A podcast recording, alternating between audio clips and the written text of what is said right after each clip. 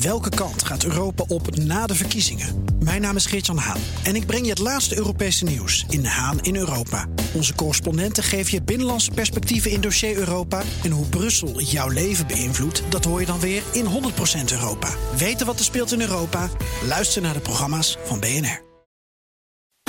BNR Werkverkenners wordt mede mogelijk gemaakt door BrainNet. BrainNet voor zorgeloos en professioneel personeel inhuren. BNR Nieuwsradio. Werkverkenners. Rens de Jong. Deze aflevering gaat over coaching. En op een gegeven moment viel het kwartje bij hem en zegt: Oh, maar dat is precies wat ik doe als ik een vrouw wil versieren. oh ja? Ja. ja, zo makkelijk is het lang niet altijd. En ook voor ieder probleem dat je tegen kan komen tijdens je werk of daarbuiten is wel een coach. Ehm, ik heb het over coaches voor angst, voor assertiever worden, controle, eenzaamheid, energie. Er zijn inmiddels ook heel veel coaches, zo'n 60.000. In deze aflevering hoor je hoe je een goede coach vindt en hoe je het maximale uit zo'n coachingstraject haalt. En daarvoor begin ik bij een wetenschapper, Yvonne Burger. Ik ben deeltijd hoogleraar aan de Vrije Universiteit. Oprichter samen met een collega Erik de Haan van het Center for Executive Coaching. Dus wij leiden ervaren coaches en teamcoaches op en doen onderzoek naar effectiviteit van coaching.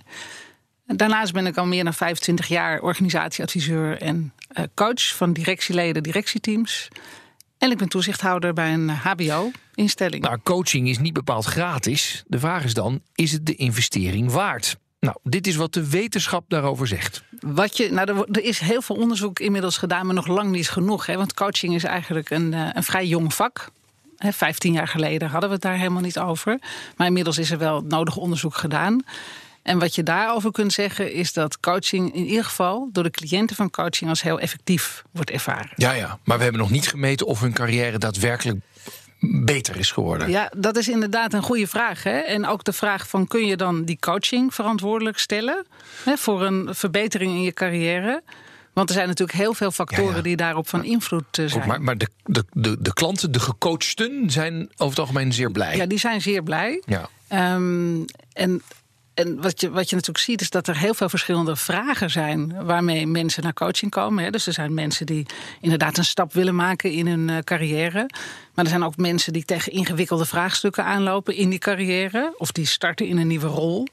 Uh, en eigenlijk niet zo goed weten hoe ze daarmee om moeten gaan. Dus het is ook heel moeilijk, omdat het niet zo'n begrensd vak is, om te zeggen van leidt het nou tot een betere carrière of niet? Ja, ja. Dus eigenlijk is het effectiever om te kijken. Uh, uh, zijn die cliënten die met al die verschillende vraagstukken komen, zijn die tevreden of niet? En als je, als je dat ook als uitgangspunt neemt, omdat dat uit veel onderzoek blijkt, dan is het eigenlijk nog interessanter om te kijken waarom zijn ze dan tevreden. En waarom zijn ze dan tevreden? Nou, daar, zijn, daar, is, uh, daar is inmiddels ook het nodige over, over onderzocht. Um, en uh, interessant is dat je ziet dat in het coachingsonderzoek eigenlijk uh, veel parallellen zijn met het onderzoek wat in de psychotherapie is gedaan, wat natuurlijk al veel langer bestaat. Mm -hmm. hè?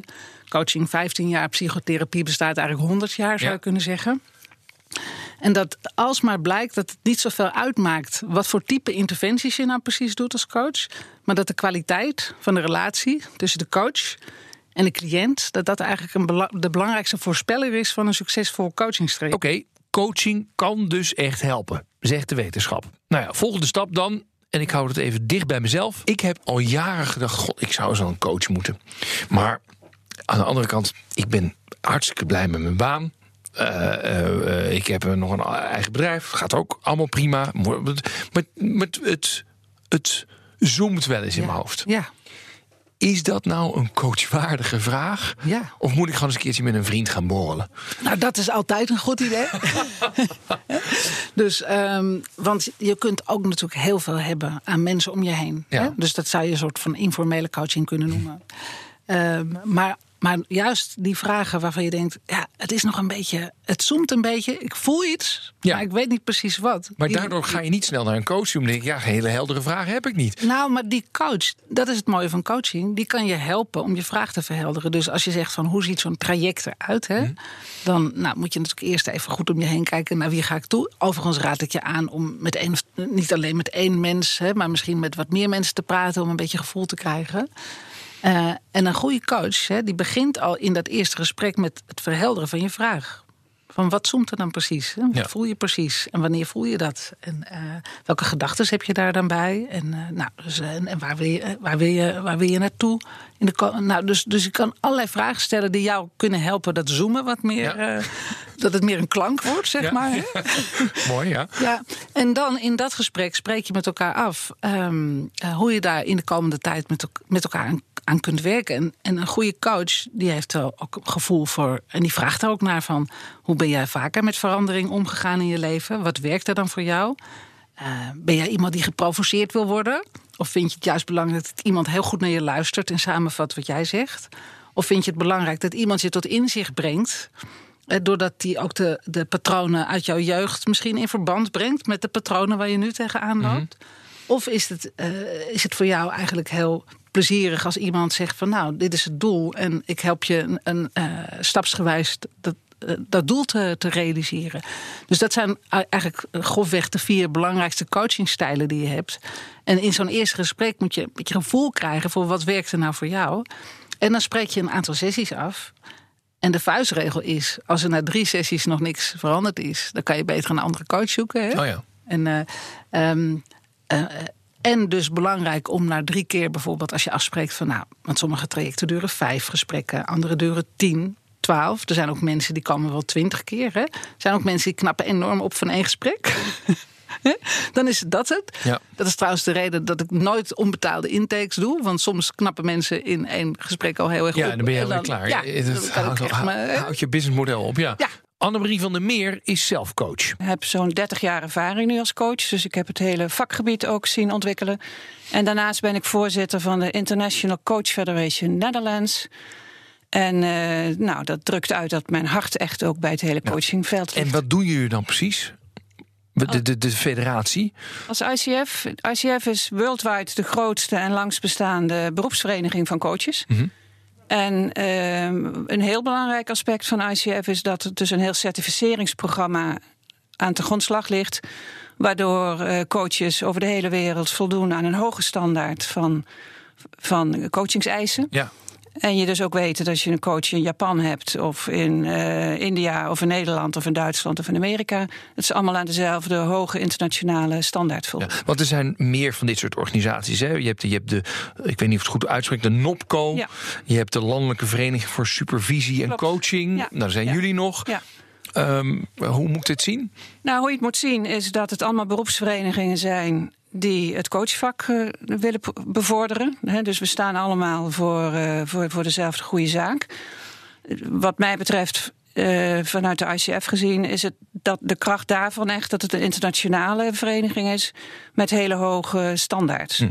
Ja. De ICF is bijvoorbeeld de enige die gecertificeerde leden ook echt wil horen coachen. En dat kan ik ook uit eigen ervaring vertellen. Daar zit een hele ontwikkelingsweg achter. Ja, ja. Die je zelf als coach ook beter maakt. Ja, ja dus je hebt een soort rijinstructeur uh, af en toe ernaast zitten, Ja. begrijp ik. Ja? Nou ja, en ook een examinator. ja, ja, oké. Ja, Ja, Oh. dus toen ik zelf, eh, wat ik je al zei, ik, werkte, ik werk nu zo'n 30 jaar als coach. Maar de eerste 20 jaar was ik niet bij een beroepsvereniging aangesloten. Nee. Die bestonden toen ook nog niet echt. En nou, toen ik dat wel wilde gaan doen bij de ICF, toen dacht ik zelf, weet je wat, ik laat me even certificeren. Ja, want zo ik klaar. Ik heb al zoveel ervaring. klontje, ik heb al die uren, al mijn klanten zijn tevreden. Eh, ik was zelf heel tevreden. maar dan blijkt dus, als je echt zo'n examen gaat doen, dus dat iemand jou hoort coachen, en, en dat is de, de essentie van de, de ICF-certificering. Nou ja, dan krijg je te horen dat het misschien allemaal niet zo geweldig is als dat je dacht. Waar kreeg je feedback op? Ja, Waar, waar kreeg jij Oh, waar feedback kreeg op? ik feedback op? Nou, wat ik met name zelf daarvan heb geleerd, wat echt het verschil is wat ik daarvoor deed en hoe ik het nu doe. Ik, ik heb nu het idee dat ik weet wat coaching is. Mhm. Het verschil onder andere is dat ik vroeger wel heel goed was hè, als, als psycholoog, mijn achtergrond eh, in analyseren, vertellen eh, hoe een ontwikkeling van iemand was gegaan en waar allerlei patronen zaten. Dus het was meer het analyseren van ontwikkeling en veel ook van, van het verleden, zou ik maar Mhm. zeggen. Terwijl je als coach ben je bezig de toekomst te exploreren met iemand. Ja. Dat is een heel ander, een hele andere houding, een heel ander vak. Ja, ja. Dus daar moest ik echt wel zelf zekerheden loslaten. Want ik was heel goed in het analyseren. Ja. Dus daar haal je voor jezelf ook heel veel zekerheid en, en Ja. bevrediging uit. Maar dat is wat anders dan coaching. Ja. Ja, die accreditatie heeft Annemarie dus zelf vooruit geholpen. Maar ja, het is de bedoeling dat potentiële coaches ook verder worden geholpen. En daarom zijn er databases met coaches. En daarvan zijn er al een paar. Psychologie Magazine heeft bijvoorbeeld een database met een knop Vind jouw ideale coach op coachfinder.nl. Nou, laten we eens even kijken. Coachfinder. Hallo Rens, je bent nog maar een paar minuten verwijderd van een ideale coach. Oh, heerlijk. Waar wil ik op gecoacht worden? Welke eigenschappen vind je prettig bij een coach? Een aanpakker, een beetje uh, bedachtzaam, confronterend. Ja, dat is nodig bij mij. En een beetje creatief. Zo. Een aanpakker, confronterend, creatief, intelligent en vriendelijk. In gesprek, mindful, sportief, in de natuur, creatief. Aanraking, bijvoorbeeld autonomie. Met dieren? Mijn god, geen dieren. Mijn resultaten. Oeh, ik ga nu mijn coach vinden. Nou, uh, daar komen ze. Wij zoeken nu jouw coaches. Oeh, kijk eens. De, en Peter is de beste match. Even kijken hoor. Uh, even kijken hoor. Uh, werkwijze. Uh, in erudite doener is samengevat. Goede typering die ik ben. Ik word blij. Anderen faciliteren. Impact is gegarandeerd. Boom. Peter Hans. Wij gaan heel ver samenkomen. Nou ja, er is dus zoveel om uit te kiezen. Ik leg dat Yvonne voor. Hoe vind je dan iemand die goed is? Ja, dat is, dat is echt een hele goede vraag. Want inmiddels blijkt uit een onderzoek wat net door Psychologie Magazine is gedaan. Dat 63.000 mensen in Nederland zich coach noemen. Ongelooflijk veel, Ja. toch? En het is dus ook de. de, de Maar het is dus ook de vraag, of dat allemaal een beetje oké is, Ja, toch? dat- dat is ik zeker de iedereen vraag. tegen die, die, die, die, zich, eh, die een beetje een carrière troubles heeft... en dan na vier maanden bij een coach gezeten Ja. heeft. Ja, ik wil hetzelfde doen als die coach doet. Ik wil ook coach worden. Ja, ja, en het is geen beschermd beroep. Hè? Dus mensen Nee, kunnen, in- die kunnen een, een, een bordje in hun tuin timmeren. En dan zijn ze coach. En voordat je het weet, gaan ze al die frustraties die ze hebben opgebouwd in die vorige baan. op jouw situatie projecteren. En dat helpt niet. Hè? Voilà. Ja, dus hoe vind je een goede coach? Ehm, Kafkoren ja, is dit. Nou, daar zijn wel een paar vuistregels voor hoor. Want ten eerste is het altijd goed om natuurlijk om je heen te vragen. Hè? Want net als, net als hoe zoek je een goede psychotherapeut? Dat is vaak ook op, op basis van vertrouwen. Ja. Informeer je je omgeving van eh, eh, ken je mensen? Maar dat is niet genoeg natuurlijk. Want ja, dat, eh, dat zegt op zich natuurlijk niet zoveel over de professionaliteit, maar wel over de ervaring van die andere persoon. Het is belangrijk om te onderzoeken of iemand ook een gedegen opleiding heeft. Maar ja, nou, dat is natuurlijk. je- hebt nu een Loekie de Leeuw, want jullie doen zelf een Nou ja, opleiding. nee, maar ik heb er nog meer hoor. Oké. Nee, dat is niet het enige. Dus dat is belangrijk. Ehm, al is het alleen maar omdat je in een opleiding ook leert om naar jezelf te kijken. En die eigen patronen die je misschien hebt opgebouwd in die vorige baan. Hè, dat je die niet gaat projecteren Mhm. in. eh, eh, eh, het is belangrijk dat iemand zich ook professionaliseert. Dus, dus, dus met het vak bezig blijft. Hè, dat het niet stopt na een opleiding van twee, twee dagen of zo. Wat je natuurlijk ook wel ziet. Hè. Dat is ook niet wat ik bedoel met een gedegen opleiding. En het is belangrijk, vind ik, dat iemand ook in supervisie blijft. Dus dat je eh, als ervaren coach ook je eigen eh, referent in het vak hebt, therapeut of, of je eigen coach, waar je regelmatig ook je eigen dingen mee bespreekt. Zodat dat ook niet in die relatie met die cliënt. Nee, maar dit, ik moet dus een enorme due diligence doen Ja. om te checken of iemand een beetje goed is. Nou ja, dat valt op zich wel mee, want de meeste coaches die hebben een, eh, een, een website. Hè? Ja. Oh ja, wat ik, ik vergeet Nou ja, maar trouwens nog een. Maar dan staat in God, ik heb een. Ik heb, nee, ik, ik vind het nog steeds problematisch. Eh, een website, nou, daar staat op. Ik heb een Ja. opleiding gevolgd. Ja, Nou, ik heb geen klopt. idee of dit, of dit een beetje een gedegen opleiding is of niet. En daarna, ja, is toch een beetje Godzegende de greep, Nou, ik toch? vergeet nog een heel belangrijk ding. Want inmiddels zijn er ook nog eh, beroepsverenigingen voor coaching. Dat is ook in de laatste 15 jaar heel erg gegroeid. Maar ook echt serieuze mensen zich bezighouden met accreditatie. Eh, en, en die ook databases hebben. Eh, van mensen, eh, inclusief hun competenties en wat ze hebben gedaan. Eh, dat zijn mensen die in die database komen. Dat zijn ook mensen die door vakgenoten ook zijn geaccrediteerd. Dus die hebben. Want als cliënt is dat heel moeilijk te zien. Wat is dat voor opleiding? Ja. En is een opleiding varkensknuffelen, is dat dan ook een Ja, goede opleiding? Paarden, paardenfluisteraar. Ja, dat, Nou. eh, ehm, eh, dus als je echt helemaal niet weet waar je moet zijn, dan zou ik naar de site van de NOPCO gaan of de site van de LVSC. Hè, dat zijn goede beroepsverenigingen van coaching waar je ook mensen kunt vinden. Ja. Nou, gelukkig had ik die database dus al gevonden. Tot nu toe gaat het vooral over professionele coaches. Maar onderling coachen collega's ook wat af.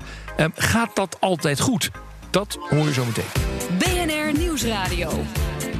BNR Werkverkenners.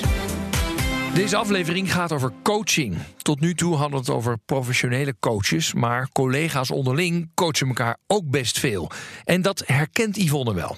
Dat is ook wat wij heel veel zien. En sterker nog, er is een organisatie uh, binnen de Rijksoverheid. Ik weet niet of je daar was van gehoord hebt. Dat is Intercoach. En Intercoach, dat is ooit uh, ooit opgericht om collega-coaching binnen de Rijksoverheid mogelijk te maken. En dat is eigenlijk een apart onderdeel geworden.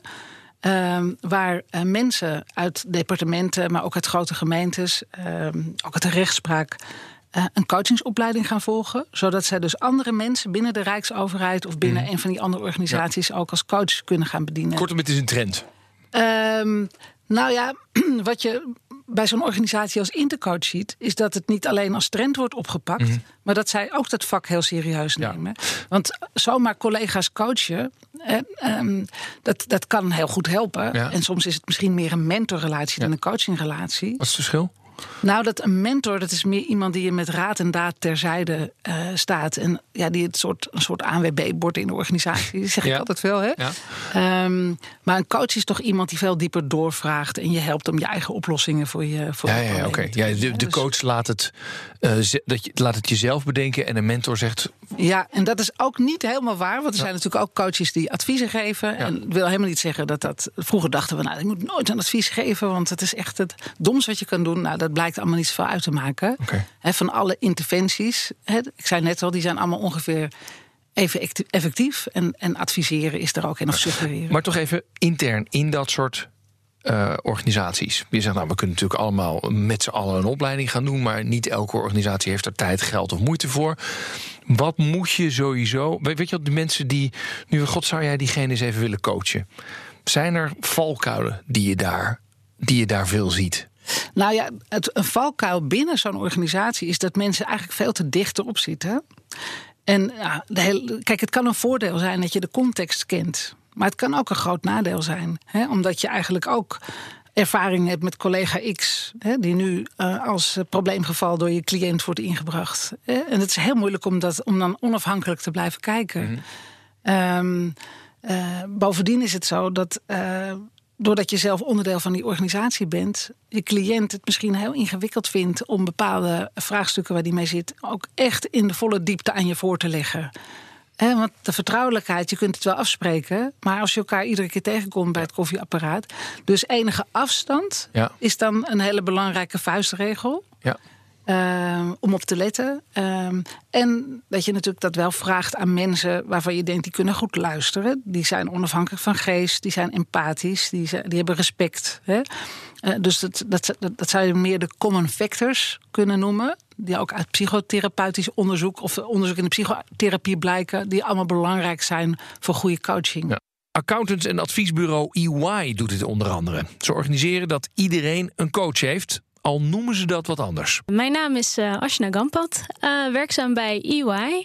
Uh, inmiddels 12,5 jaar, dus ik heb net mijn jubileum achter de rug. Gefeliciteerd. Dankjewel. Um, ja, en wat doe ik? Ik ben belastingadviseur, werk op de afdeling tax compliance binnen EY. Um, en het komt er kort gezegd op neer dat, ik, dat wij aangiften VPB en IB opstellen voor onze klanten. Ja. Um, en daarnaast ben ik ook teamleider van het team. En hoeveel mensen zitten er in het team? Uh, we hebben 18 FTE op okay. dit moment. En jij bent counselor, toch? Ja. Wat is dat precies? Een counselor is iemand die. Uh, ja, we, we, een counselor heeft een aantal counselies. En uh, met die counselies gaan we dan bekijken van: hey, wat zijn jouw doelen voor dit jaar? Oh ja, en zitten die bij jou in het team of zijn het mensen van buiten jouw team? Nee, in mijn team. Oké. Okay. En die, dat is eigenlijk counselor, het klinkt een beetje als coaching, toch of niet? Ja. Ja, uh, zo, daar kan je het wel mee vergelijken. Mm-hmm. Uh, en met die counseliers ga ik dan elk jaar kijken van... Uh, hey, wat wil je doen dit jaar? wat vind je belangrijk?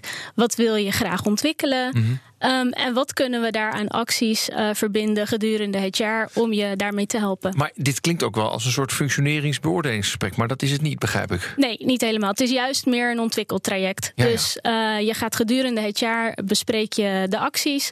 De counseliers moeten dan inderdaad die acties gaan ondernemen gedurende het jaar. We gaan wel terugkijken. Wat heb je gedaan met die actiepunten die we hebben afgesproken? Ja. En uh, nou, hoe is dat gegaan? Uh, moeten we doorrollen? Ja, nu kom ik toch ook op een punt dat Yvonne net ook al maakte. Je zit er misschien wel heel erg dicht bovenop als collega. En dat leg ik Ashna ook voor. Gaan mensen het achterste van een tong laten zien als ze weten dat je later ook wel over ze gaat oordelen in het beoordelingsgesprek? Ik hoop dat ze dat doen. Mm. Uh, want dan kunnen we ook echt constructief met elkaar uh, werken aan ontwikkeling. Ja. En als ze dat niet doen. Uh, kijk, tuurlijk, je ziet dingen in het werk gebeuren. En dat neem je mee in zo'n gesprek. En eh, daar heb je het dan over uiteindelijk uh, probeer ik wel de ruimte te creëren om dingen gewoon te zeggen. Uh, of ze dat doen, ja, ik hoop. Hoe kietel je ze? Want dat is natuurlijk dat is een gesprekstechniek. Ja, door eigenlijk te beginnen met hoe vond je het zelf gegaan. Ja, ja. En... Ben je wel eens open over jezelf? Ja, zeker. Ja? Ja, ja. Dat je zegt, nou, dit vond ik vroeger heel lastig, of vind ik heel lastig. Ja. ja. Wat zeg je dan? Uh, ik heb bijvoorbeeld, ja, ik ben begonnen als stagiair ooit. Mm -hmm. En um, ja, dan moest ik een bezwaarschrift opstellen bijvoorbeeld. En van mijn stagebegeleider kwam toen de rode pen uit de kast. Oh. En dan wist oh. ik gewoon, oh god, hij gaat weer krassen. um, maar dat dreef mij wel ertoe om ervoor te zorgen dat ik een keer een perfecte bezwaarschrift bij hem zou indienen. Ja. Dus het, het, ik had wel die drive daardoor ja. gekregen. Van hij moet gewoon goed zijn. En die rode pen mag komen, maar ik wil gewoon geen krassen zien. Nee. Dus, um, en die onzekerheden had ik ook toen. En vertel je dat ook tegen de... Ja, ja, ja. ja en zeker. Wat, wat, wat, gebeurt er dan? Ja, dan moeten ze dan lachen. Ja. Omdat ik, ik ben natuurlijk ook diegene die nu die bezwaarschriften bekijkt. En, en met een rode pen? Nee, toch? Heb je een rode pen uh, ook? Ik heb wel een rode oh, pen, nee. maar soms gebruik ik een groene of een blauwe. nee, dat maakt het een stuk minder Nee, erg. maar ja. ja, uiteindelijk moet je toch er wat van gaan leren. Uh, en als die niet goed is, dan is die niet goed. Nog één keer terug naar Yvonne, want is je er nou eigenlijk voor coaching door collega's?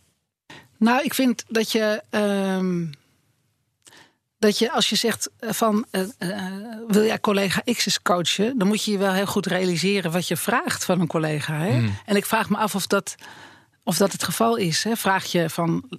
Um, collega X heeft een paar tips nodig. Of uh, collega X heeft toch wel een, die zit tegen een burn-out aan en die moet eens met iemand praten. Wat vraag je aan iemand en is iemand daar ook echt competent voor? Ja. En wat je natuurlijk wel veel ziet in organisaties, en daar ben ik echt ook heel erg voor hoor. Want ik vind dat je elkaar juist in organisaties heel goed kunt helpen in je ontwikkeling. En, en uh, het is ook goedkoper als je dat intern oplost. Ja. Hè? Uh, maar bij, bijvoorbeeld bij de VU hebben we dat ook. Hebben we een mentorsysteem. En dan worden jongere uh, collega's worden toevertrouwd aan een aantal uh, mensen die, die, die, die al wat verder zijn in hun loopbaan. en die door de organisatie worden gepercipieerd als iemand die ook echt goed naar talentontwikkeling kunnen kijken. Nog even terug naar het begin. Wat heb je nou aan een coach?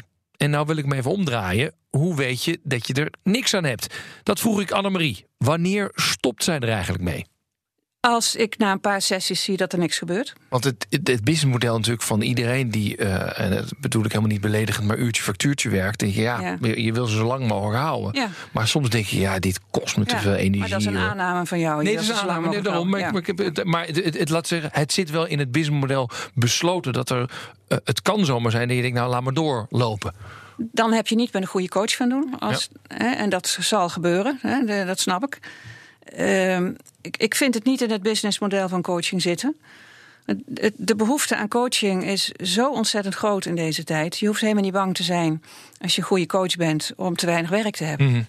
En ik denk dat de kracht van coaching is dat je in een relatief kort proces met een kop en een staart. dat iemand zich verder ontwikkelt, dat iemand stappen zet, ja. en, en dat iemand patronen doorbreekt, dat iemand doelen realiseert. En dat is veel effectiever. En daarmee, als je het vanuit de business bekijkt, krijg je ook veel sneller nieuwe klanten. Dan als je mensen eindeloos bij je zou laten ja. komen. Het is zelfs een teken als mensen lang blijven komen en er gebeurt niks. Dat coaching waarschijnlijk niet goed is. Zeg jij wel eens van, joh, dit werkt niet. Uh, uh, er gebeurt te weinig. Um, volgens mij wat moeten ik, we naar de ik, volgende patiënt. Als ik dat waarneem, dan stel ik de vraag... Uh, hoe vind jij dat het gaat? Ik, he, ik ik heb de vraag wat het jou oplevert. Maar hè, ik, en soms kan ik ook wel zeggen, ik kan het niet 1, 2, 3 zien. Maar ik ga het niet besluiten in eerste instantie voor Mhm. de ander. Ik stel wel de vraag. Ja. En eh, je kunt soms verrast zijn dat ik dan wel eens kan denken: er gebeurt niks. Maar dat er eigenlijk veel meer gebeurt dan ik in de gaten had. Ja. Maar dan heb, dan heb je een nieuw contract als het ware. En dan ga je van daaruit weer samen verder van wat, hoe gaan we dan onze tijd gebruiken. Ja.